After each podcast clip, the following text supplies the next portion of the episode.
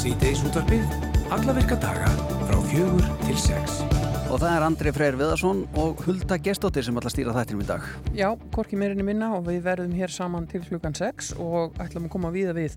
Við ætlum meðal annars að heyra af samkommulagi um þjónustu sérgreina lækna sem að náðist í gær á milli læknafélags Reykjavíkur og sjúkratrygginga Íslands en sérfræði læknar höfðu þá verið samningslausi frá 2019.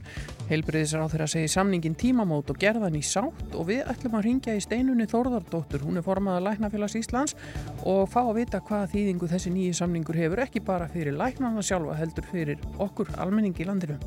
Valger Magnússon, viðskipta og hagfræðingur þetta greina á mbl.is í dag þar sem hann segir viðbröð Íslandsbanka við Íslandsbanka málinu svo kallaða mislökuð. Hann segir eh, fyrstu viðbröði krísu skipta miklu máli og geta haft gríðalega mikil áhrif að framald og framvindu. Við sláum á þráðan til Valgers og heyrum aðeins af þessari liðmála. Já, svo er það knaspinnan því á þessum degi árið 1912 fór fyrsti leikurinn í fyrsta Íslandsmótunni knaspinnu fram. Þá mættust og Fram á melónum og úrslitin voru 1-1.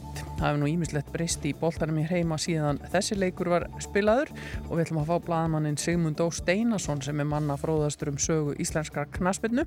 Við höfum meðal annars ritað bækur um, um það allt saman og hann ætlar að koma til okkur og við ætlum að fara í smá sögurskoðun. Já, það leikir hafa verið spilaði síðan þessi leiku var spilaður. Ég vissum hann aða til eitthvað staðar, mm. hann er ekki lengur fundur við ætlum ekki að segja um ánum með það.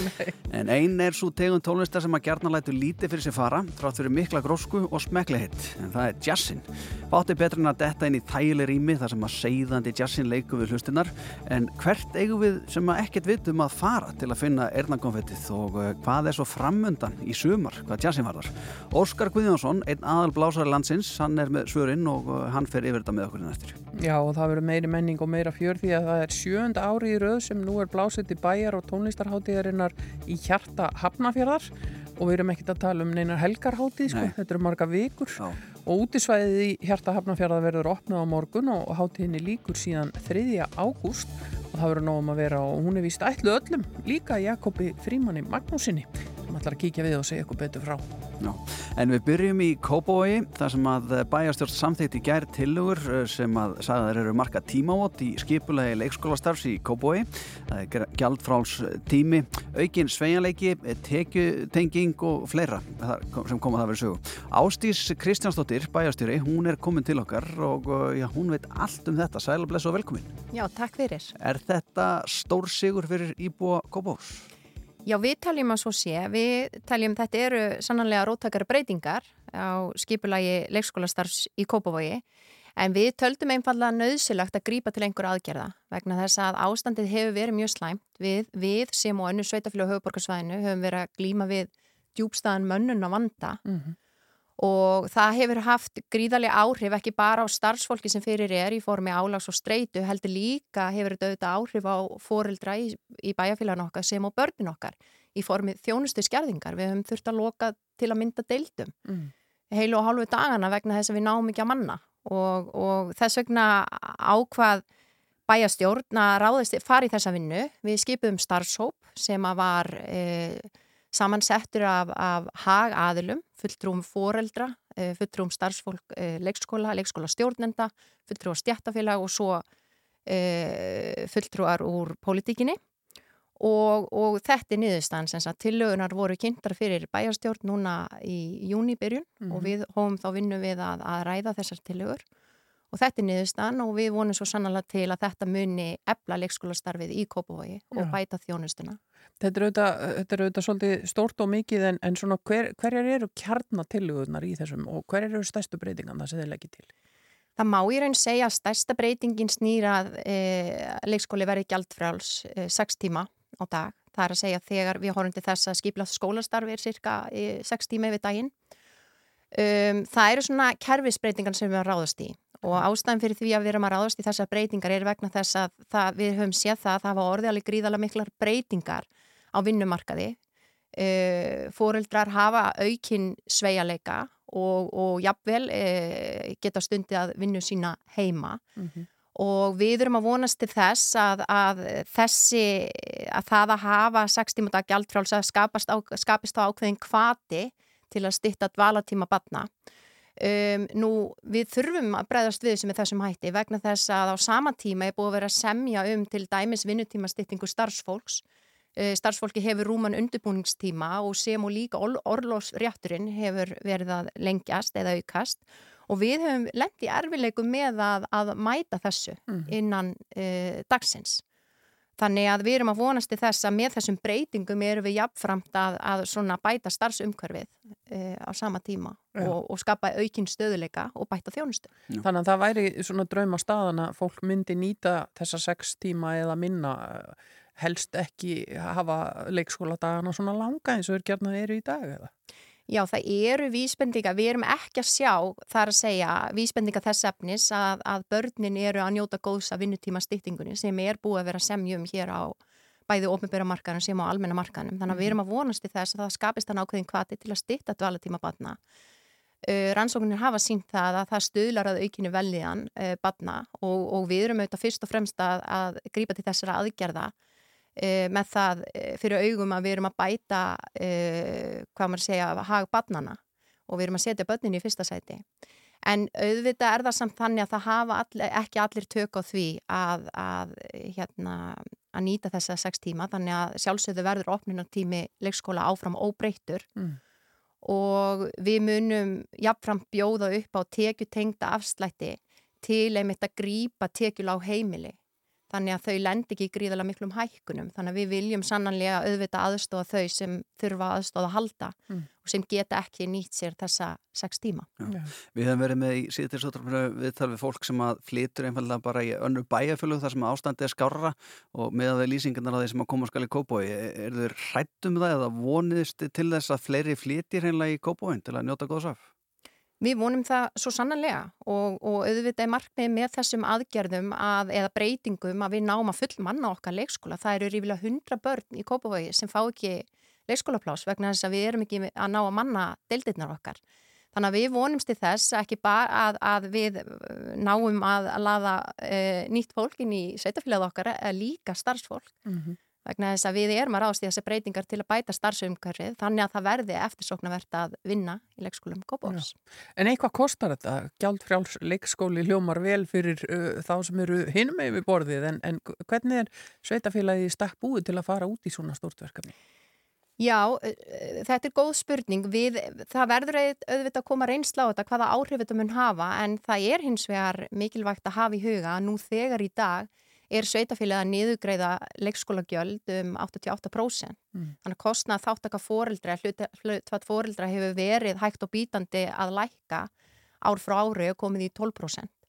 Um, við sjáum hins vegar fyrir okkur að það er ákveði hagraði fólkið í þessu líka vegna þess að eins og ég nefndi áður með undirbúningstíma kennara sem dæmi að þá hafa kennara þurft að, að undirbúa sig uh, og fengið yfirvinnu borgaða. Þannig að við náum kannski líka aðeins að, að mannabeturleikskólan okkar og líka koma til móts við kennara þannig að þau geta uppfyll undirbúinistíma sína sem dæmi á bara yfir dægin. Þetta tekur gildi í haust, þessa breytingar tekur gildi fyrsta september og að þetta er til pröfu í ykkur tíma eða hvernig sjáu þetta fyrir ykkur? Já, uh, við ætlum að við horfum á þetta sem tilrönaverkefni í eitt ár. Uh, af því að þetta eru auðvitað kerfisbreytingar og, og, og rótækar en þó spennandi að mínu mati. En við teljum mikilvægt að horfa á þetta sem tilrunaverkefni til einsás og uh, það hefur verið viðtækt og mikið samráð uh, þegar við vorum að móta þessa tillögur en við ætlum að halda þessu samráði áfram og erum með samráðs áallun sem við ætlum að fylgja eftir og núna bara strax í haust þegar við förum í þessa breytinga verður fundur með fóreldrum þar sem að upplýsingafundur með fóreldrum sem við förum yfir og ákveður við erum að fara í þessar breytingar og í framhald af því verður jafnframt uh, haldið áfram með samráð fulltrúa fóreldra í fóreldraráðum og, og sjálfsögðu munum við huga því hvort við þurfum að gera einhverja breytingar ef það koma ábendingar. Mm -hmm. Nú þá ætlum við einni að vera í samráði við starfsfólk og meta hvaða áhrif þetta hefur. Og síðast en ekki síst, þá höfum við sagt að við ætlum að fara í, í badvænt hagsmunumat, e, eh, líðhelsumat, gafkværs börnunum, vegna þess mm. að skipti líka máli að við metum hvaða áhrif þetta hefur á líðan barna. Já, en svo eru heimgreðslur, uh, einn vingilinni viðbútt sem, sem að þið ætlið að, að fara í líka? Já, við erum að fara að bjóða upp á heimgræsli fyrir þá fóreldra sem að, að fá ekki e, leikskólaplás eða vistun hjá dagfóreldrum og við erum að miða við það að þetta sé bara sama framlag og, og við erum að greiða til dagfóreldra sem er 107.000 og, og þessi uppað mun þá bara fylgja e, þeim framlögum Já. og þetta ætlum við jafnframt að við innlega frá og með haustinu. Þannig að þarna erum við líka að koma til móts við þá fóreldra sem auðvitað lendi í, í ákveðni já, erfiðri stöðu vegna þess að þau fá kannski ekki dagfórildra plás nýja plás á leikskóla. Á meðan við erum auðvitað að reyna að vinna, e, e, vinna á þessum mönnuna vanda mm. og það mun vissulega taka tíma. Já, þetta er mjög áhugavert og verður spennand að sjá hvernig til text. Eh, takk fyrir að gefa þið tíma til að kíkja við hjá okkur í síteisútvarfinu Ástís Kristjánsdóttir Bæjastjóri Kópavóks. Takk fyrir. Fyrst og fremst Rástvö Þetta er Rástvö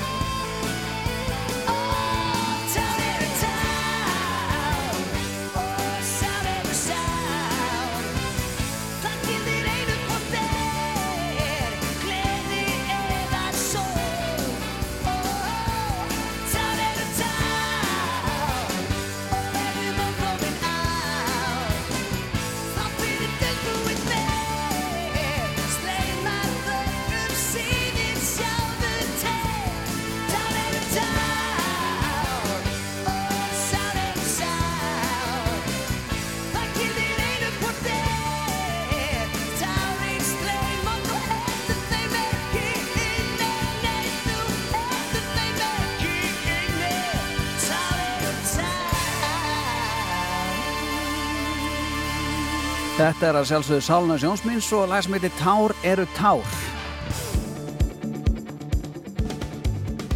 Já, við höldum áfram hér í sítiðis útarpinu og við höllum hér næst að heyra í Valgeri Magnúsinni, viðskipta hagfræðingi. Hann reytar í dag grein á mbl.is þar sem hann segir viðbröð Íslandsbanka við Íslandsbanka málunu stóra undanfarnar daga mislökuð. Hann segir fyrstu viðbröð í krísu skipta miklu máli og geta haft gríðarlega mikil áhrif á framhaldið og framvindu mála. Við erum með Valger á línunu og ætlum að heyra þess að þessari hlið þessa máls. Góðan daginn. Góðan dag, góðan dag. Já, hva, hvers vegna fannstu þið knúin til þess að, að drepa niður penna eða slá á liklaborði í þessu samingi? Já, já, í fyrsta lagi þá er ég náttúrulega bara fastu píslar hefðundur hjá fór smartlandi þannig að ég skrifa bara reglulega ég, og svo skrifa ég bara um það sem að, sem að verður fyrir auðvonum í hvers skipti og, og það sem að maður, þetta er nú sérsviðmann samskiptamál og, og germál þá þá horfið maður þarna bara stórsleis bara í beinu útsendingu og nokkrum dögum mm. og, eh, og, eh, og, og eh, fólk sko fer svo inn í svona einhverja tilfinningasprengju sem að, sem að verður í kjölfara af svona raungu viðbröðum. Þannig mér langaði bara að greina sko hvað er viðbröðin hefur verið öðruvísi í byrjun. Já. Ef að fyrst, fyrst, fyrstu viðbröði verið öðruvísi, hvernig, hvernig hefur okkur leiðið þá? Þannig að mér langaði að skrifa svona ef að tilkynningin hefði verið öðruvísi byrjun. Hefði það orðið, hefði, hefði það orðið sko annar ferill fyrir allt verkefnið og, og, og svona fara svona aðeins í gegnum það og hver eru svona helstu reglurnar sem það var að hafa í huga. Já, hvað segir svo sérfræðingunum? Hvernig hefðu, hefðu viðbróðin átt að vera svona fyrstu sinn? Já, við myndum til dæmis ímynd okkur að hérna Byrna hafi sagt tveimur dögum áður en skíslan kom út í staðin fyrir þetta loðuna skrítna þessi loðuna skrítna yfirlýsingar sem hún reyndi að gera lítið úr skýslunni og, og, og, og reyndi einhvern veginn að segja að sáttinu væri tröst til bankans. En við byrjaði að segja eitthvað eins og ég veit í miður að viðkynna að við stóðum okkur afar ítlægi þessu máli og þessi skýsla er áfættistómur yfir okkar vinnubröðum okkur var sem betur fyrir bóðin sátt í þessu máli sem við munum greiða. En það sem skiptir meira máli er að við fengum tækifæri til að laga okkar ferðla Við tókum máli strax alvarlega og endur skoðum alla okkar ferla til að koma í veg fyrir að mál sem þetta geti endur tekið sig. Ef að, ef að eitthvað svona hefði verið sagt, mm. þá, þá hefðu við strax fengið tröst á henni sem stjórnanda og að málið hefði verið tekið alvarlega, alvarlega og það hefði verið sett í ferli og það hefði verið lað til. Mm. Í staðin fengum við tilfinningum að, að það sé verið reyna að fjela hvernig hlutinir eru og hugsanlega eru ennþá. Já, en er of seint að sína auðmygt núna og, og, og stíga fram aftur og segja já, ég hefði átt að breyðast öðruvísi við og, og bara einhvern veginn svona lúta þessi græs? Það er aldrei of seint, það er aldrei of seint að vera einlagur og það er aldrei of seint að beðast afsökunar mm. en uh, sko munin er bara að, að, að í mildtíðinni hefur orðið talsverðu skadi þannig að því fyrr sem að maður er einlegur því minni verður skadin þannig að endan þarf maður alltaf að vera einlegur en maður alltaf komast bara einhvern nátt tilbaka. Já. Er þetta svona, já bara gullin regla í almanna tengslum að þegar að koma upp einhver svona stór mál og, og erfið mála að vera strax einlegur og, og stíga fram sína auðmygt Já, sko, ef maður stjórn fram, þá þarf maður að gera það. Það er svona nokkuð leikilatrið. Mm. Þú veist, það má aldrei segja ósatt. Þá, þú kemst að, þá, sko, ef þú segir ósatt, það mun alltaf komast upp og þannig mun þetta alltaf lendi vandræðin. Það má ekki fyrir undan í flæmingi, en þess að fólk finnir fyrir því og þá, þá hefur ekki tröst. Og svo þarf að hafa einhverja yfirsýn yfir þar upplýsingar sem eru til og gætu komið fram þannig að maður sé ekki í mótsögn með eitthvað annað sem er til. Þá, þá, ertu, þá er það sem út að gera búið búið að missa tröst þetta þarf alltaf að vera til staðar. Og uh, síðan að, taka ábyrð og hafa hann að skilirðusleik ekki setningar eins og uh, ég tek ábyrð á mínum fætti í málinu eða eða eins og oft er ef, ég, ef þetta hefur uh, komið ítla við eitthvað þá byrst ég afsökun á því svo liðslutir mm. virkaldrei yeah. og svo verður einlegur Já. Hvernig finnst þér ráðherrar hafa staðið sig í þessu aldingismenn? Sko við veist heyra að hoppa á tækifæri að losa þrýstingin af sér yfir á, á, á byrnu og bankan Uh, en uh, ég skil það svo sem alveg. Það, það var þægilt fyrir þá að, að, að losa, losa sig við þann þrýsting. En í leiðinni, bankin brauð lög og það kom í ljós. Að, og það er erfitt fyrir þá að bera ábyrð á, á því að bankin hafi brotið lög. Þannig að ég skil þá alveg og þeir eru í pólitík og, og, og maður þarf alltaf bara nálgast á út á því að þeir eru í pólitík hvernig degi en, en, en, en bankin ekki. Og það sem ég er svo greina í þessu er að hugsanlega því að sko svona raungviðbröð þau, þau, þau gera það verkum að fólk lendir svo undir valdaranum og, og, og ég hef á tilfinningunni að, að Byrna hafi tekið á málunum. Hún hafi tekið til. En með þessum viðbröðum þá trúum við því bara ekki.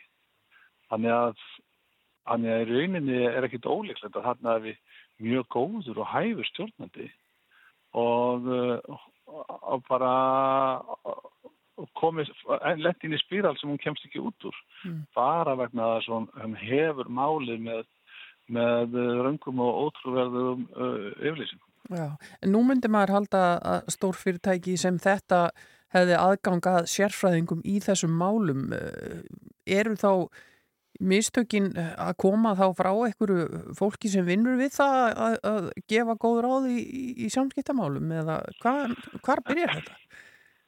Svo, svo, svo veit maður það ekki, maður veit þú veist það voru auðvelt fyrir mig að vera sérfræðingur og dómari mm. í málið sem ég er ekki uh, viðstattur, þannig að hérna, svo veit maður ekki, uh, ég gerir bara ráð fyrir því að byrna hafi verið með aðganga sérfræðingum. Ég gerir ráð fyrir því að það hefur verið að tengsla sérfræðingar með í að, að kortleika hvernig þetta gerist.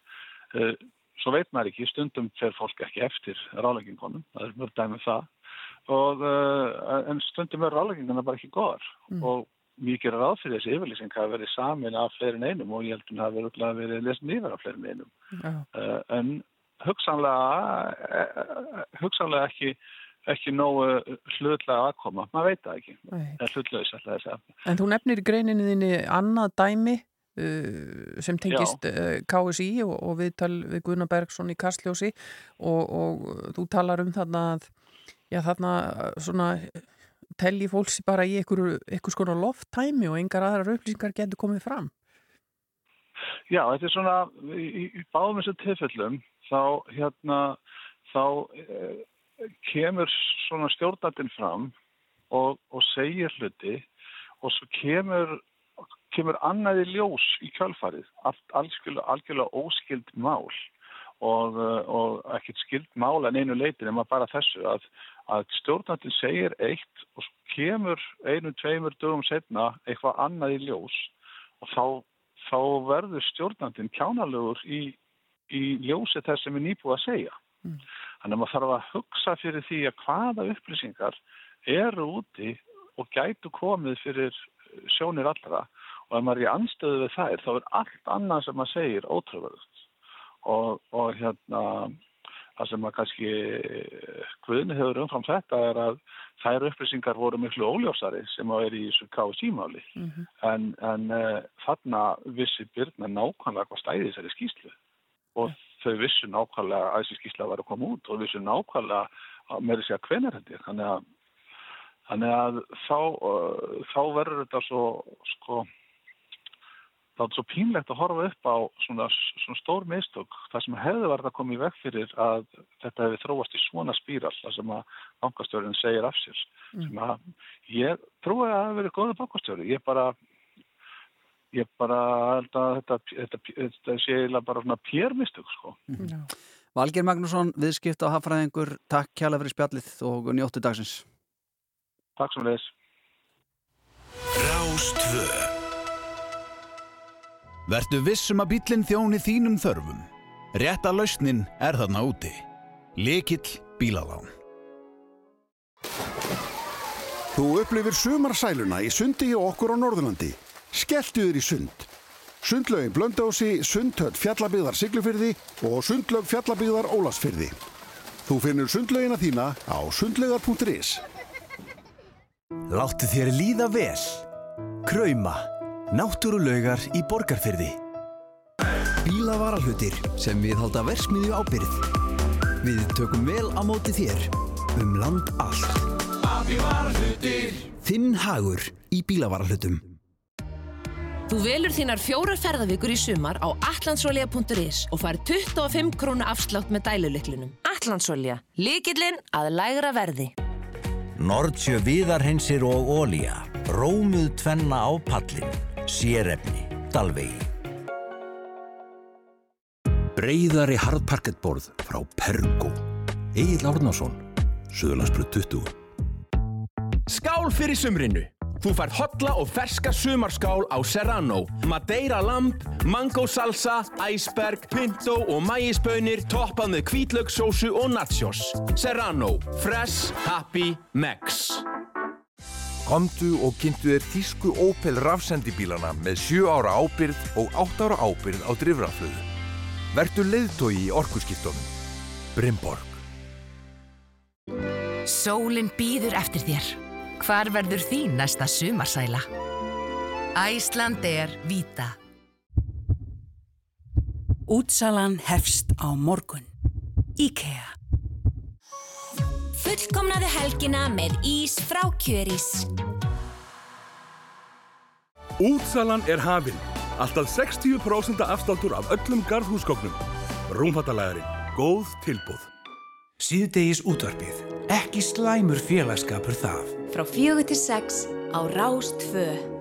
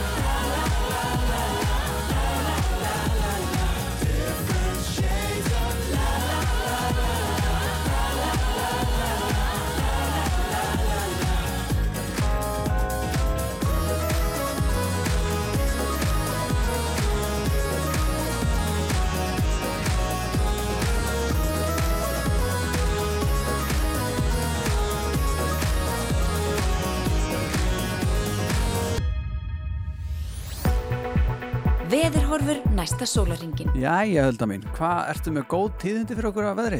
Það er alveg spurning, ég ætlaði nú fyrst bara að ná þér hérna niður á borðinu eftir þetta Já. ógulega danspopp Já, hérna ég áðan. misti mér svo því, ég fór reyndar upp að borða hérna út um allt stúdíu reyndar, Það er bara eins gott að videólennar voru ekki í gangi sko. Sko, veður horfur á landinu eru stuttar á lagóðar.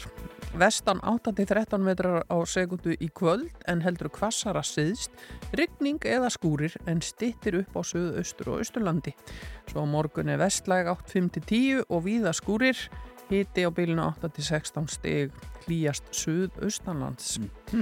Þannig að það er lægð sem sett yfir austurlandi sem þokast norður og síðan vestur og henni fylgir þessi stífa vestlæga átt í kvöld. Já. Og svo bara koma aftur þessi orð sem við erum án hundleið á, rigning eða skúrir og á kortinu er svona frekar blöytt að se- svona yfir að líta. Já. Reyndar núna ef við skoðum kortið sem er núna í setnipartin klukkan 17 að þar, þá er bara heiðskýrt á kirkjubæðaklaustri. Þetta Já. er staðurinn til að vera á. Heldur betur með þér. Ég segi nú bara eins og alltaf, þetta er alltaf spurning um hugafar. Uh, skiptir engum alveg hvernig veðrið er sko. Ég held, ég held þú ætlar að segja það og sagði hérna orð sem við búin að hundlega á. En það er samt sem að það, svona, svona, það, það getur verið þannig, það getur. Já, já, það, sko, en þetta gildi bara vist marga vikur. Já. Ég held að við séum komin ú- yfir þennan góta. Ég, var að hlusta á félag okkar Sigga Gunnarsinna fyrir í dag. Og hann sagði, ég, nú er ég að gera það sem er, enginn ennir að hlusta út af sem maður að tala um veðrið en maður er bara þarna, það eru bara allir að tala um veðrið allstaðar. Já, þetta er svona, við komumst ekki til því En uh, það er nú gaman að segja frá því að þessum degur 1947, þetta kul hljóma ómerkilega, þá var landbúnaða síning haldin í Reykjavík og hvað er svona merkilegt við það? Það voru 60.000 manns eða hátt í helmingu landsmanna sem að þá voru rúmlega 130.000 sem að mættu á þessa síningu Vá! Já, hörku síning sko. Enda eru landbúnaða síningar alveg stórkostlega skemmtilegt Það fyrir eru það, það eru, eru það sko. og uh, svo nú uh, eitt svona ellend sko, sem að uh, náðu nú vel yfir heimsbyðana og atriði sem er ennþá rifið upp alveg hægri vinstri, það var á þessum degur 1997 þegar Mike Tyson beit eirað af Evander Holyfield í uh, nefaleikum og þetta Rosalegt atrið. Svakalegt, það var margir sem muna bara reynilega hvar þeir voru þegar þeir sáu nákvæmlega þetta sko. Mér dettur þetta stundum í hug þegar ég fyrir gæludýrabúðuna að kaupa katamat. Já, Þá er alltaf svona bar, svona nammi bar fyrir gæludýr Já, og já. þar er þetta að kaupa sér bara svínsegir. Já, já, já, þeir geta sko naga það alveg daginn út og inn sko. Það er svona bara eiga svona lager til að losa sig við þetta. sem að líkist á eirum Evander Holyfield kannski en hver veit, en svo er hann náttúrulega á þessum degur 1912, það var fyrsti leikurinn í Íslandsmótun í Knaspinu, hann var haldinn og það var K.R. sem að tók á möti fram og við ætlum að fjalla nánar um það hérna á eftir og fá til okkar seffræðing í íslenskri Knaspinu sem að veit allt um þetta Þetta er aftur á móti Billy Idol. Skiptir engum alveg hvernig veðrið er að þetta hljómar, þetta er White Wedding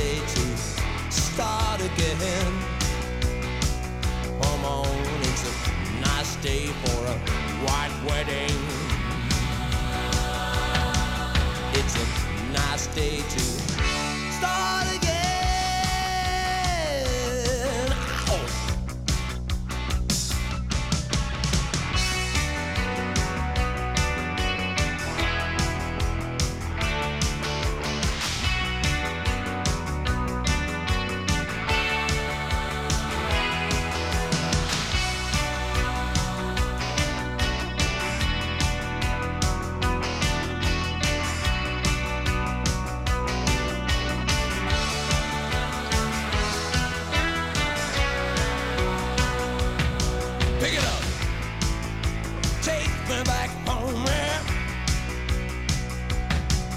There is nothing fair in this world. There is nothing safe in this world. And there's nothing sure in this world. And there's nothing pure in this world.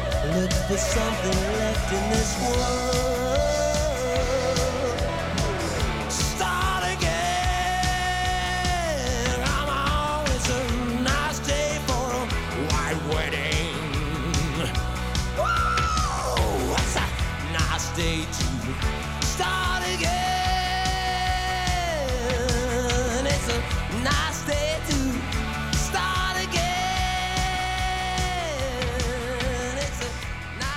Já, stuð og stemning, Billy Idol og lagið White Wedding.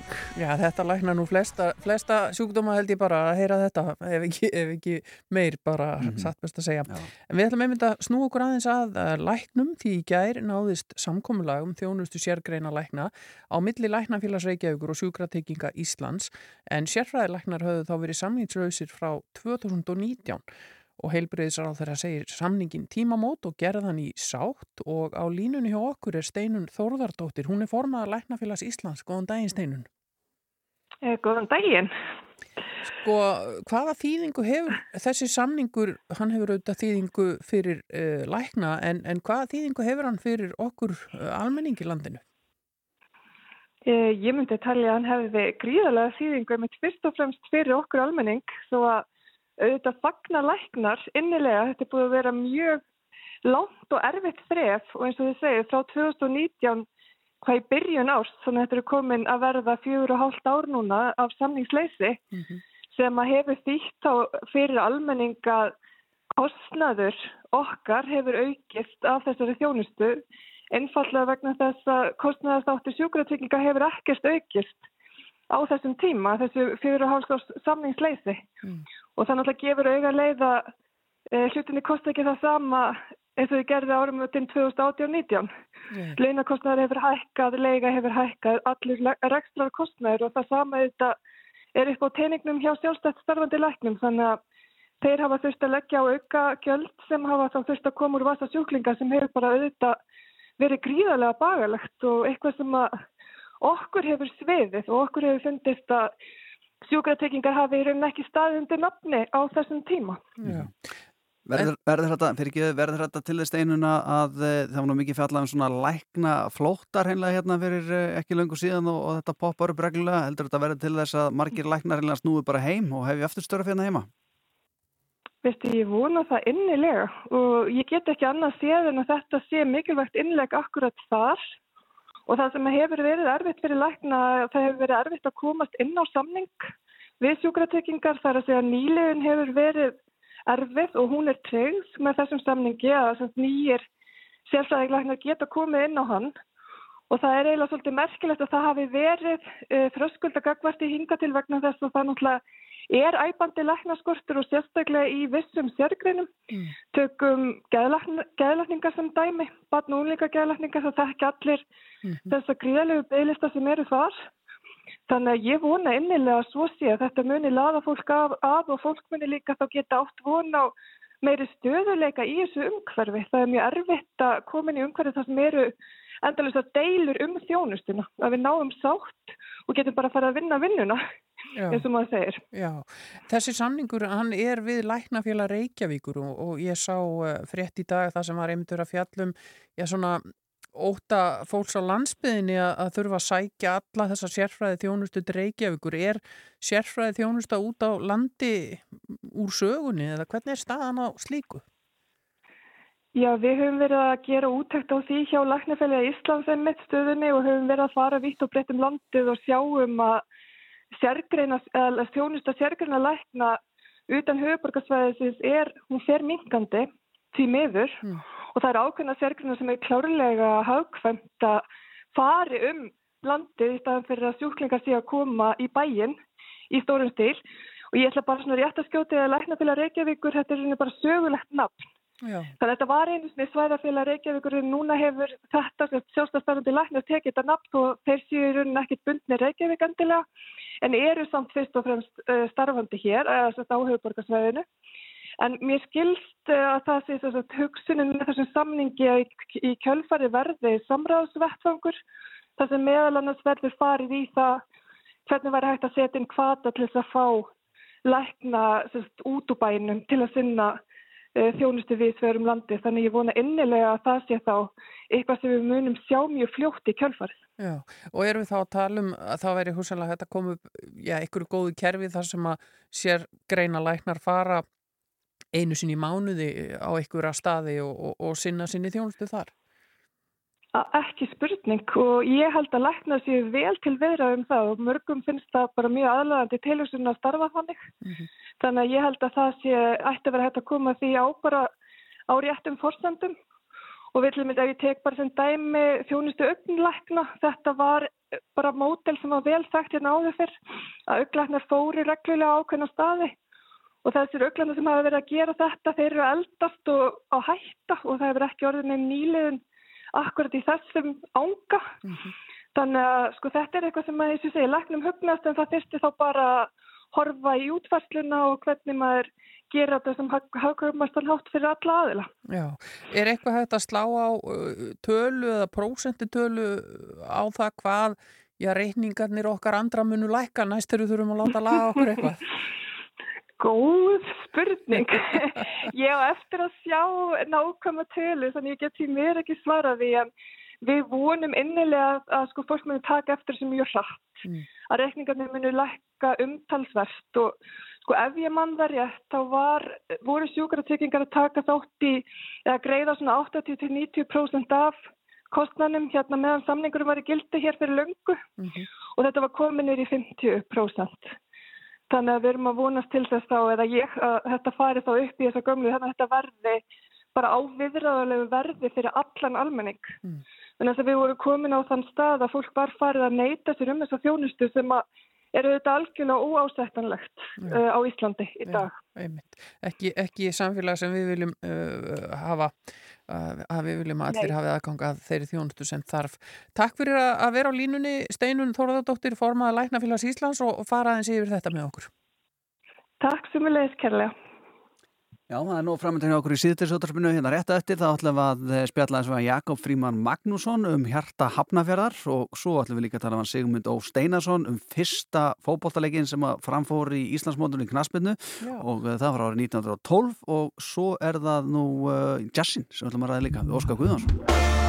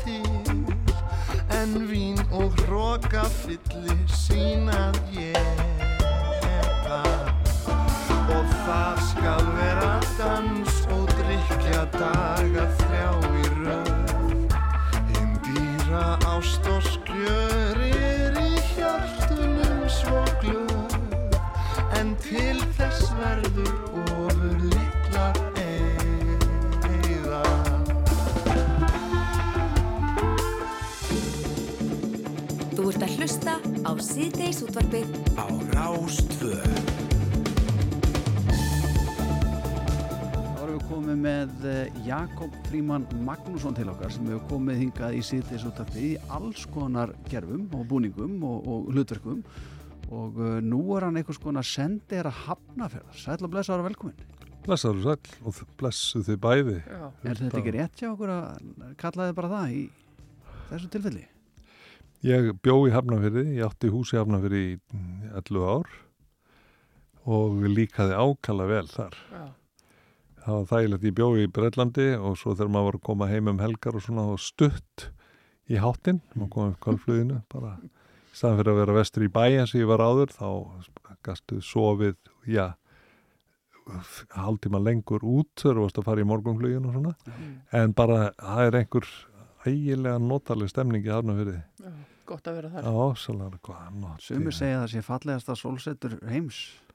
Tekur undir það? Já, bara það er fegur, það er þarna eitt og annað sem minnir mig á Akureyri, minn fyrsta heimabæja á Íslandi. Mm. og uh, það er eh, svona, ég bjóð þarna í Östurgötu, Östurgötu 21 við hliðin á fríkirkjunni sem kvílir með sínu uh, almættis loftneti þarna upp á Álfa hamrinum, þar sem Álfa byggðu sögð hvað mest og búið að teikna alla upp. Og svo legði ég efri hæðina mína fyrst um, Svanhildi Konradsdóttur sem var nú mér til aðstóri í sendiráðin í London á sínum tíma stýrir hörp í dag en svo þegar hún keipti sér hús í Hafnafyrði eh, þá tók við Ólur nokkur Guðnadóttir eh, miðill sem er almagnaðasti miðill á Norðurlöndum að sagt er Já. og þannig að að húsi var fyllt heilugum anda fyrst anda Svanhildur og svo eh, spá konunar góðu og, og síðan kom að bjóð þarna um tíma magnaðist í Guru og spámaður Indlands Já, Guru G, hann, tók þarna móti fólki og heilaði.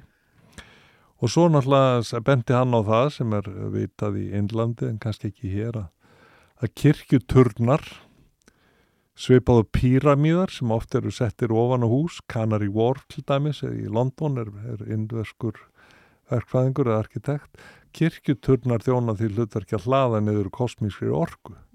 Þannig ímyndið ykkur kosmísku orkuna í, sem að hlóðs niður í fríkirkjunni hafnafyrir ofan á álfabygðinni sem er alveg kvik, kvikandi af lífi og svo jókahúsið með bæði spákonunu og gúrunum, það var hægt að snerta á loftinu sem að gekk hann inn.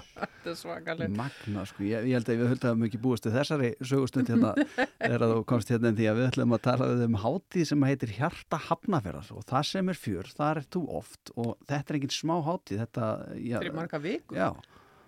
Sko, Hafnafjörður var mjög rólegur bær þegar ég bjóðar, svona, daldið svona eins og sveppbær sem að menn bjöggu í og kerðu svo í vinnuna til Reykjavíkur eða hvers þeim fóru. Það hefur heldur betur breyst. Það var nú svona fyrsti vísir að, að þessari kultubreitingu var þegar svo fyrstinn, kaffihúsið, var sett hann á laginnar, hægilega fínt og framsækið við strandgötuna. Nú síðan þar bentamóti í gamla góða bæjabíónu Þar tók við likla völdunum fyrir svona, já, allir að síðu tíu ár síðan. Páll nokkur Eyjólfsson, nefndur Papi, vestmanniðingur og umbúrsmaður Bubba Mortens, margra áratuga, super klár og náða að veita vinnufúsir höndsinni viðnám í þessu gamla kvikmyndahúsi sem er orðið bara aðal segul afl fjárðar eins og í menningarlegu tilliti. Mm -hmm. og þarna eru haldni bara bestu tónleikar á Íslandi, ég segi. Mm. uh, hjarta hafnarfjörðar en harpa hafnarfjörðar mætti líka já, segja því að uh, hvað, það er alltaf eitthvað í gangi þarna og núna ég ógarna framhjá í, í vikunni að það er bara uh, í fyrra voru sko tjöld, eða tjald stuðmenn spiluð í tjaldi fyrir utan bíóbíó mm. þá er sko bæjabíó, þá er inni í salnum eru tónleikar og svo þegar þeir eru komnir eitthvað áleiðis þá hefjast tónleikar í úti tjaldi nú eru tvö risa úti tjaldarna og þetta er fólkvangur bara eins og maður hefur eiginlega ekki séð áður en á Íslandi, bara hverja helgi núna fram í ágúst hefstum helgina með uh, herrahafnafyrði Bó Beðri Haldórsunni Jú, jú, en þetta byrjar á morgun uh, fymtudag og þá ætla nú okkar allra besti vinnur Sóli Hólm hann ætla að tróða upp með dansveit og halda ball. Hann er, hann er hérna, mjög fjölafur Sóli okkar. Já. og svo er eiginlega það er allt og langt mál fyrir okkar að fara að týna þetta allt til vegna þess að eins og segir, þetta eru margar vekur þetta er ekki hefðbundin bæjarháttið sem stendur yfir eina helgi, heldur margar Nei. vekur og, og dasgráin ótrúlega fjölbreytt. Heldur betur, við getum stiklað á stóri eins og hann var að segja, það er Björgun Halldórsson þú er búin að nefna Sóla þetta með dansiball byggust nú ekki því og svo Stöðmenn og svo Jón Jónsson hann og Nanna og Monsters of Men og ljótu halvveitnandir Bríett og maður veit ekki hvað eina. Paparnir Paparnir, auðvitað, auðvitað. Já, við erum hann að sérst annan förstu dag í næstu viku Já. og uh, eins og segir sko að horfa upp á einn mann lifta slíku grettistaki í já, þessum stóra bæ sem hann er orðin þetta er svo mikil áhrif allt í kringu sig. Öll veitingahús fyllast og þú veist það er já. það verður allt bara mm. það er alltaf annað anna plan hann. Já, já, og þið eru alltaf bara í sama stuðinu? Já já við erum bara í mjög góðum gýr hljónstinn og við ætlum bara að flytja þarna okkar ljúustu lög. Mm í bland við argasta punk. Það er nefnilega það. Nei, er vonanir í kvikmynd? er þriðja myndin að koma til það eru til handrit að þriðju og fjóruð myndinni. Já. Og svo er bara að spyrja sko hvenar er uh, rétti tíminn til þess að hefja slíka kvikmyndagerðin það er nú klassík að fara í þríleik. Já. Það er bara sko það væri á gett að gera það og, og við þurfum bara svona að að spýti í lóana þegar tíminn er réttur en, en það hefur aldrei verið gert neitt hjá okkur öðru svona að það sé bara stemningin komið innan og úr maga hólfinu gut feeling. Einmitt, einmitt. Hjarta hafnarferðar, hægt að kynna þessi dagskrána nánar með að fara bara inn á dæmis. Já, ég vissi ekki að Solo Holmen ef hann er þarna þá ætla ég að dreifa mig að sjá hann á morgun því að hann er, hann er margir menn. Já, já. Já, já, já. maður eigi einhamur ótrúlega flinkur og flottur. Á hann og með okkur á Mósfells háti í fyrra. Alveg ótrúlega sko skemmtilegur frjór og f- flottur sí- söngvari og músikant Já, líka sko. hann leynir á sér Guðrun Árný náttúrulega með sitt vinsala singalong Já. uh, sjó þannig að þetta er allt saman inn á það er meiri sér bara sér síða hérna fyrir þetta hjartahafnafjörðar.is Akkurat. Jaka Frímar Magnússon, takk kjærlega fyrir þetta og gangið vel með næstu vikurnar. Já, takk hjá fyrir og sömulegis njótið dásenda í allt sumar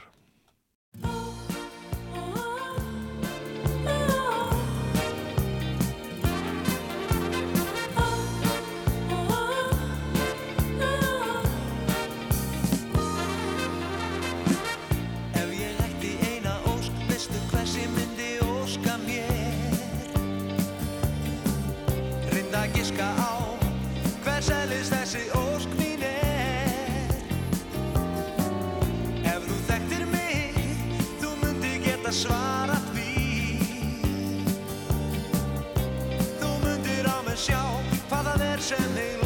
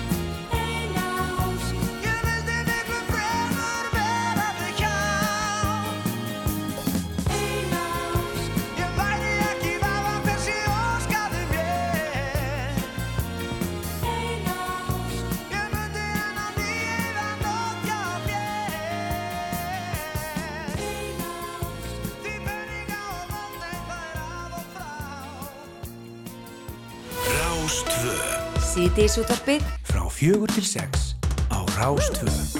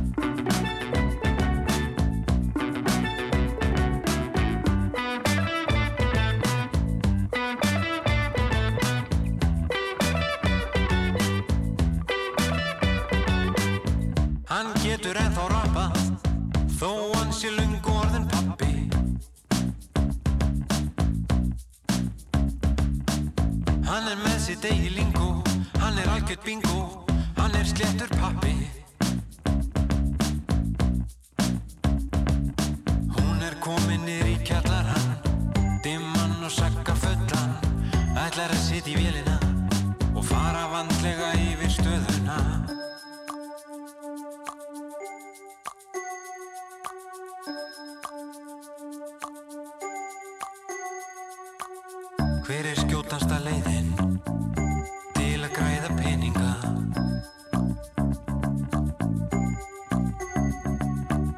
Hver er fljótlegasta leiðin til að fanga lífsamingjuna?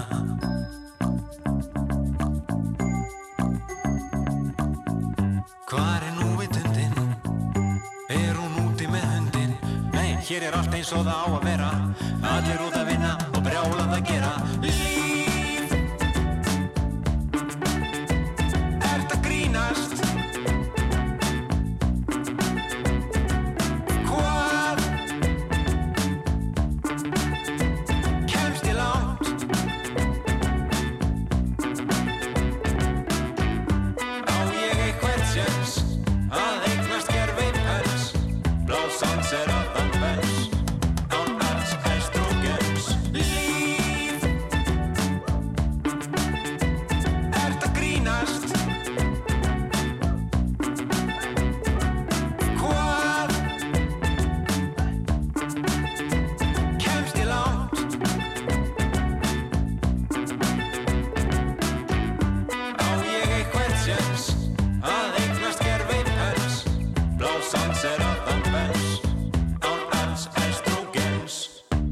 Þetta er Prins Pólo og lag sem heitir Líf ert að grínast en við ætlum að dempa okkur í smá sögustundum íslenska knatsbyrnu því á þessum degi árið 1912 þá fór fyrsti leikurinn í fyrsta Íslandsmóti knatsbyrnu fram og það voru K.R. og Fram sem mættust á Íþróttavellinu við Melana og leikurinn fór 1-1 og uh, já, við erum ekki skemman eftir neinum því að þetta er náttúrulega löngu liðið.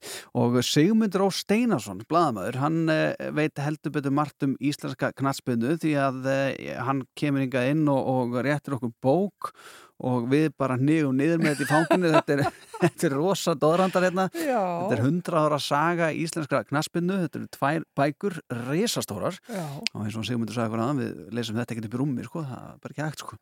Já, ég veit að ég á, ég á stórt rúm. Já, já, ok, ertu með svona fjastringu sem lyfti bakinu upp? Þá geta það virkað sko, þá geta það virkað. En sæla blessaður og velkomin í síðdeis útarpið Já, takk fyrir að bjóða mér. Þessi leikur uh, sem að um, á amal í dag, er þetta ekki að einhverju leiti sögufræðu leikur? Jó, þetta er sögufræðu leikur, já, sko, fyrsti knaspunuleikurinn Óbimberri fór fram uh, árið áður, 2011, á melavellunum í Aldrafjörðurs Amali Jóns Sigursson og Forseta og þá kæftu þessi lið og fram vann og fram með mjög ungt lið, 18 ára og eh, það var meðalaldur, það voru allir undir 18. Já, undir átján. Undir 18. Já. Sem öðna, spila á móti eldri mannanum í káur og unnu þá. Já. En þá öðna, verður það að framararnir vilja gera meira út af því að öðna, þeir vilja koma á Íslandsmóti, keppa um Íslands byggar og, og söpnuðu peningum 85 krónum Já. eh, til þess að kaupa byggarinn í Þískalandi og það vantaði sko 100, eh, 1 króna og 75 aurar upp á eh, að það myndi ná, nást á fundinum þannig að það var svona smámynd Já. var tekið svona af hinnum og þessum einseringar og annað þeir náðu þessu 1 krónu 75 örar sko. En á þessum tíma, þarna vilja menn fara að halda Íslandsmót, uh, hversu mörg lið voru virk og, og, og, og gáttu tekið þátt í slíku móti þarna þarna voru, uh, þarna voru bara tvölið, það var knaspinu fyrir Reykjavíkur, KR og Fram. Og mótið er sett á og þessi leikur versmanningar taka þátt í fyrsta Íslandsmótinu líka. Já, já, já, já. og þeir, það það tók á tvo daga að, komast til Reykjavíkur út af því þeir fóru í- á eigum yfir á Stokksir í bát, svo var gangandi, hlaupandi eh, á hestvögnum og, og póstvögnum og komið við í, á Selfoss og gist það reyna nótt á þannig fóru gambana og Þetta er hörkuð Svo að fólk að kvartu í rútuferðum í dag. Einmitt, einmitt. Ég er að skoða hérna sko mynd í bókinniðinni eh, sem er frá 1912 og þetta er fyrstu Íslandsmeistarnir, þarna er fótballtafélag Reykjavíkur, það er KR Já. og þetta er svolítið öðruvísi en eh, já, maður eh, já, fótballtilegir í dag, því að hérna eru sko menn í, í stöpuksum allir, nema náttúrulega þjálfarinir sem eru já, greinlega svona, já, svona já, aðeins meiri virðingi við þeim, það er sixpenserar og alls konar höfuðföld sko, en þeir eru sko í stöpuksum og skirtum og með bindi. Já, já, þetta er... þetta er- Leikmunnin? Já. Já, þetta er... Þetta er alvöru. Þetta er alvöru, sko, Já. þarna var snirtilegu klæðnaður. Já, já, já. Og, og spiluðu menn með bindi? Já, já. Það er lett. Hérna, hér. Þetta er, þetta er magnað. En se, þegar liðið þarna framliðið kemur og þarna í fyrsta leikin að þá er meðalaldur rúmlega 17 hjá fram 17 ára en 22 uh, uh, ára hjá káir sko. Já. og leikurinn fór 1-1 Já. og þarna, síðan kefti káir við Versmanner og, og unnu þá 3-0 en eigamenn þurfti að draga liðið sér tilbaka út að þeir voru allir bólnir og bláir og brákaðir eftir hörkuna hjá þessi já. Þannig að fram og káir spiluðu aftur. Já. Já. Þá í rók og rigningu og þarna káir komst undan vindi í 3-0 en uh, framnáði að, að, að, að skora tvö mörg en það dugði ekki og það er þannig að káir var fyrst í Íslandsmeistarin Já.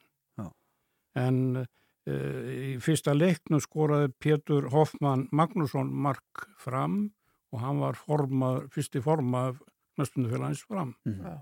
Sko, hérna stendur líka í bókinni, ég er bara svona með þess að opna hérna fyrir frammi með þessu liði hérna og um þennan leik sem við byrjuðum að tala hérna um og þú er búin að nefna hérna meðalaldur liðana sem var nú ekki hár en hérna stendur svo sko dómarinn á 70 aldri gaf ekkert eftir þannig að hann var tölvöld eldri hvernig voru dómarar á þessum tíma? voru þeir sprenglærðir eða þeir Já, hvað var að sko, gera? uh, Ólafur Rósenkrans var, var, atna, var atna, leikumiskennar, íþróttakennar í Mennskól Reykjavíkur og þar kemur eiginlega allt framliðið þegar ungist mennskjælingar, sko. Og hann er svona eiginlega fadir knaspunnar hérna og í domgjæslu og öðru. Hann var eh, fyrstu árin, sko, mjög, mjög fítn í þessu, sko. Já, voru þeir margir dómarnir? Nei, nei, hann dæmdi bara alla leikið. Já, já, já.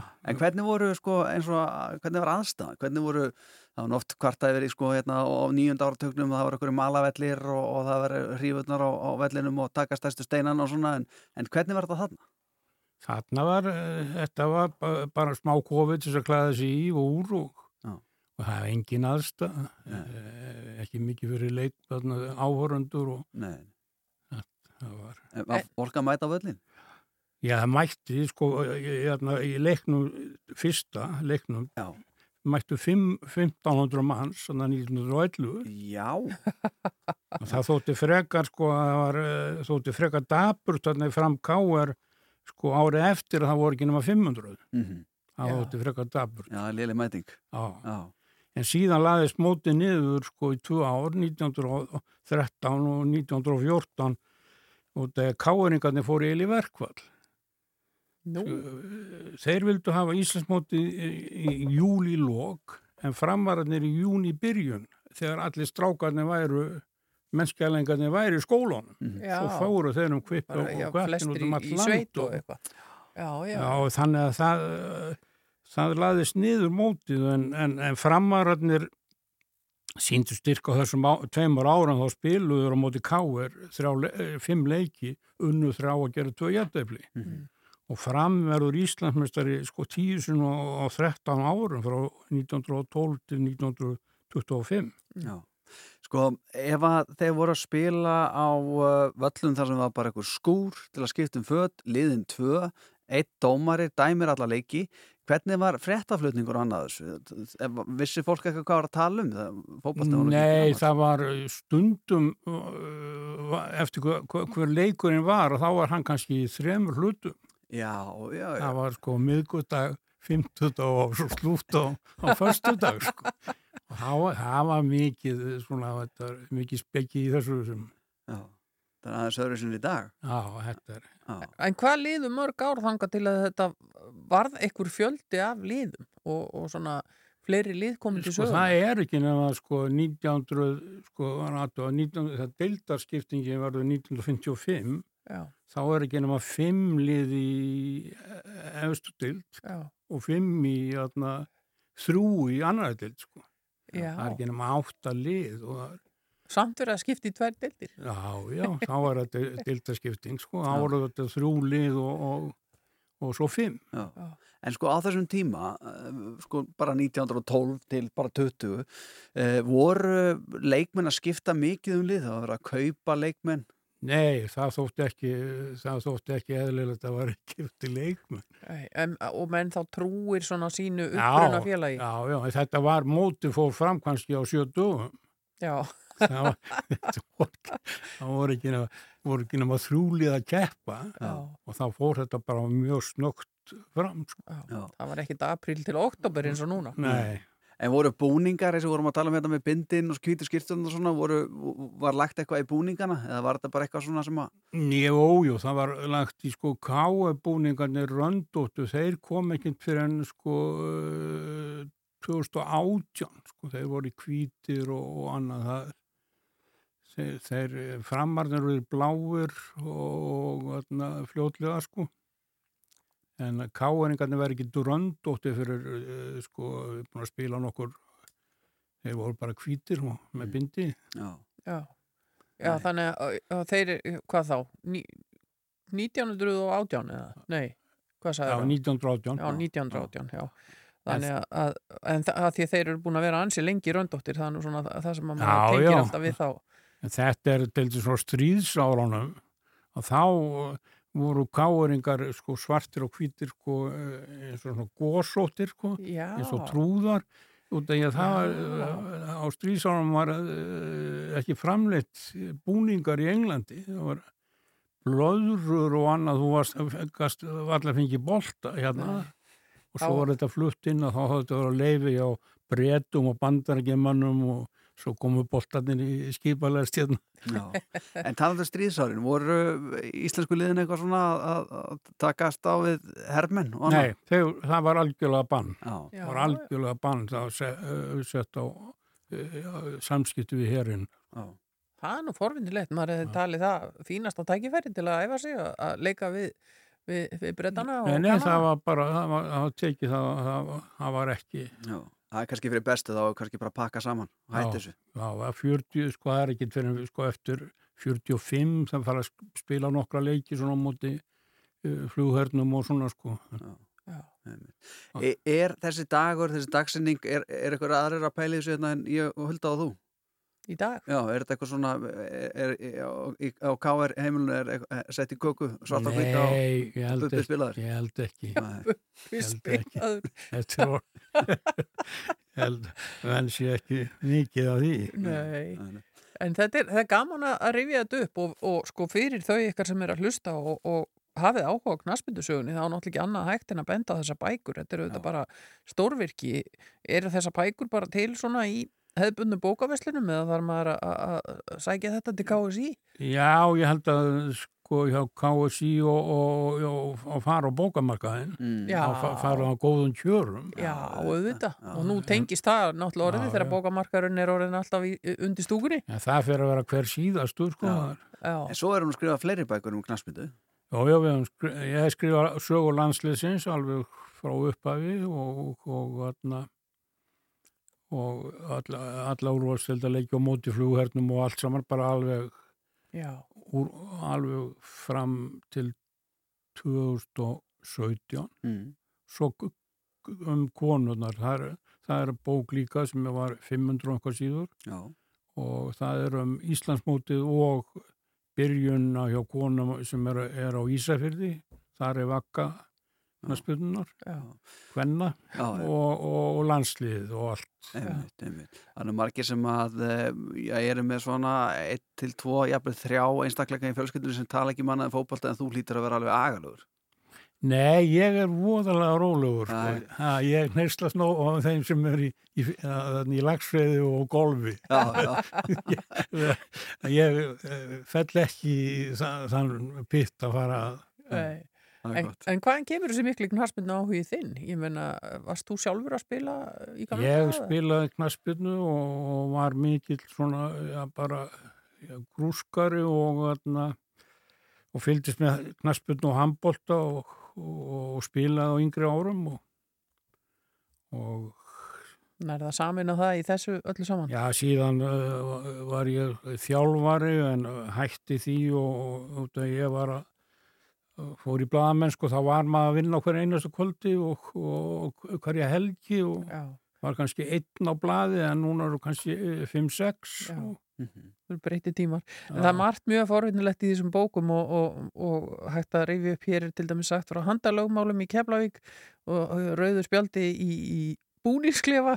Hérna talaði um Ástráð Gunnarsson, maður mann nú vel eftir honum úr Íþradóðsunu í Keflavík og svo er verið að tala hérna líka einmitt um leik á milli fram og káir það sem að ringdi svo mikið að búningurinn og skotnir vóu 2,8 kíló að leikloknum. já, já. Þetta er stór skemmtilegt. Já, já, þetta er alveg hafsjór af, af upplýsingum þarna og annað að menn geta alveg glimt sér í þessu sko. Já. Hvetjum á að saman til að gera það. Sigmundur Ó. Steinarsson, bladamöður Takk kjærlega fyrir komuna í síðisútafrið Já, takk fyrir að bjóða mér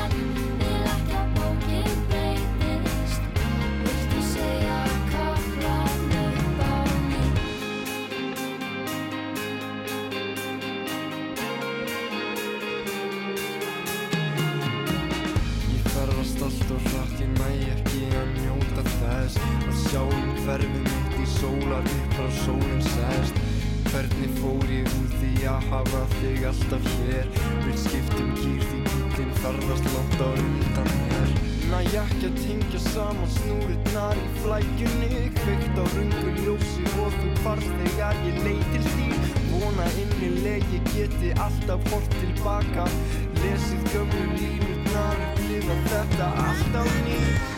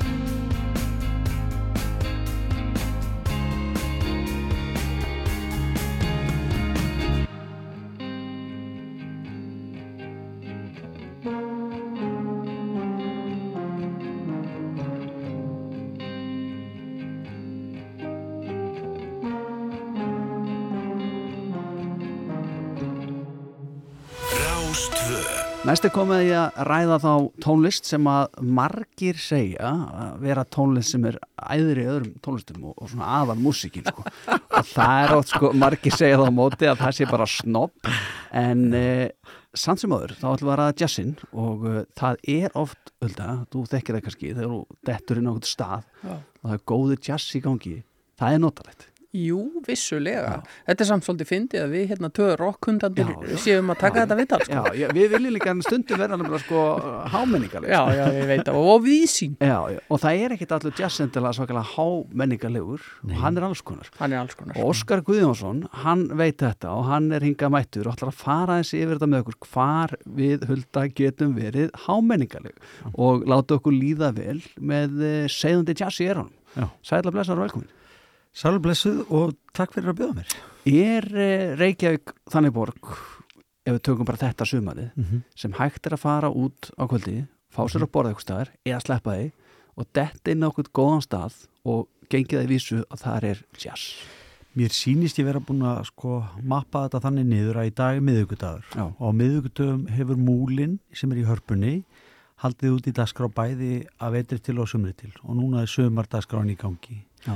Á fimmtudugum núna bara á morgun er að byrja ný seria í djúpunu sem Já. er náttúrulega svona gamli, gamli jazzklúpur, reykvikinga, hotnið, djúpið niðri Einmitt. og þegar ég er að byrja að fara niður í bæ 15, 14-15 ára gammal þá eru enda tónleikar á djúpin á 50 heitir 50 dagar ef ég með mann rétt Mm. svo hefur Jómfrúin alltaf verið með sína sömardagskrá á laugadugum og hún heldur áfram á laugadugum klukkan þrjú er alltaf tónleikar í Jómfrúar torkinu hann bakvið Já. og svo er búin að vera í allan vetur og verður áfram henn mánudjassin á mánudugum á Lekokk það sem Já. er svona djam jazz, það sem að e, má segja bara að framtíðar kynslu og jazztónlistamanna mætir og, og raunverulega svona djammar þetta heitir jam session að koma svona að einhver leiti óundurbúið og spila saman, Mhm. hittast og spila sko. Mhm. Uh, Þannig að það er í rauninni að ganga á þessu vísu flesta daga vikunar. Fjóra af sjö. Ef ég, ef ég er að segja alveg rétt, Það já, það er ansi Já, mikið. já, já. Og djúpið er svona pínulítilstæður sem er hendur fyrir þetta ekki. Jú, ég held að hann sé raunverulega bara að byrja aftur eftir tölvert langt hlið á morgun. Sko. Er það ekki klassi að fá sér hérna góða pítsu, fara svo niður og melta hana yfir svolum jazz? Jú, Við getum líka, held að við getum líka farið greinlega á mándum og fekið okkur bara hamburgar sko. Við höfðum hann ekkert sko. Nei, nei, nei, nei. En, en hvernig er sko fyrir uh, þau sem ekki eru uh, mikið að fylgjast með jazz eða hafa ekki verið að hlusta á hann, er þetta er þetta svona eins og kannski mítan segir uh, erfið tónlist þurfum við að mjaka okkur inn í hana eða er jazzin fyrir alla? Ég upplifi þetta svolítið eins og með bara margt annað sem við kjósum að fylgjast með. Ef þú setur þig aðeins inn í, segjum bara knaspinu, Mhm. að þá finnst þið gaman að horfa á knaspinu. Því finnst ekki endilega gaman að kveikja bara okkur leiki í ensku og, og vera ekkit alveg að skilja hvað er í gangi. En þetta verður skemmtilega skemmtilega þeim er meira sem er kannski svona leggst yfir. Ég þekki þetta bara sjálfur með bara til þess eins og formúlu 1 ég, Mm. veist, ég fylgist með því og þetta er svolítið spennandi fyrir mig. Svo ræði ég um þetta við eitthvað aðra og þeir bara hrista hausin, hver eru gaman að þið horfa á bíl keiri í ring Já, eða ameríski já. mörg okkar sem að botna ekkert í honum og svo allt í hennu fem að læra reglurnar og þá verður þetta að verða áhugavert. Já, ég tókst mér sér eitthvað tíman í, þegar ég bjóði í London og að fylgjast með krikett nú leiki vel þrjá daga sko, en þá var ég með skota með mér sem að útskýrið fyrir mér hvað er í gangi Já. allan tíma Já. og þetta er svolítið svipað með suma af jazzmúsikinu sko, sum jazzmúsík bara en, uh, kveikjur strax á vegna þess að hún hefur einhverja rætur í því sem þú þekkir Mhm. og svo er kannski annað sem er aðeins stingra eða aðeins öðruvísi þannig að að einhver leiti þarf maður annarkot að kynna sér það eða kannski slökka á þeim svona preferensum sem þú telur þig þurfa að vera með áður nú byrja að hlusta músík já. Við sögðum hérna í upphæða þáttar að þú væri svona einn aðal jazzblásari landsins og uh, ég hef nú spurt að þessu áður og ég veit að svarið er síbreytilegt en uh, með hversu mörgum ert að spila núna? Hva, hvað er þú tökum svona, hver, hva, hversu mörg eru verkefnin? Uh, það er já, það er síbreytilegt en núna ákvörð um þessa myndi til þess í kvöld erum ég, er ég að spila og fylgja eftir plötu sem var að koma út með vini mínum frá Brasilíu sem heitir Ife Tolentino. Plata sem við gerðum fyrir nokkrum árum síðan og er loksast að koma út hjá Reykjavík Records útgáðum tónleikar í hörpun í kvöld. Og sunnudaginn er ég að spila með Söru Flint og ég er að spila með Bríett eitthvað setna í sömar, ég er að fara til Berlína með ATHD ég er að spila með Frelsisveitinans Haugs Gröndal setna í sömar og það er svona og það er ímislegt annað sem ég er að gleyma að tala um. Já, þú veist, ég er að spila eitthvað með Tóma R og þú veist, það er alls konar eitthvað sem kemur upp. Já.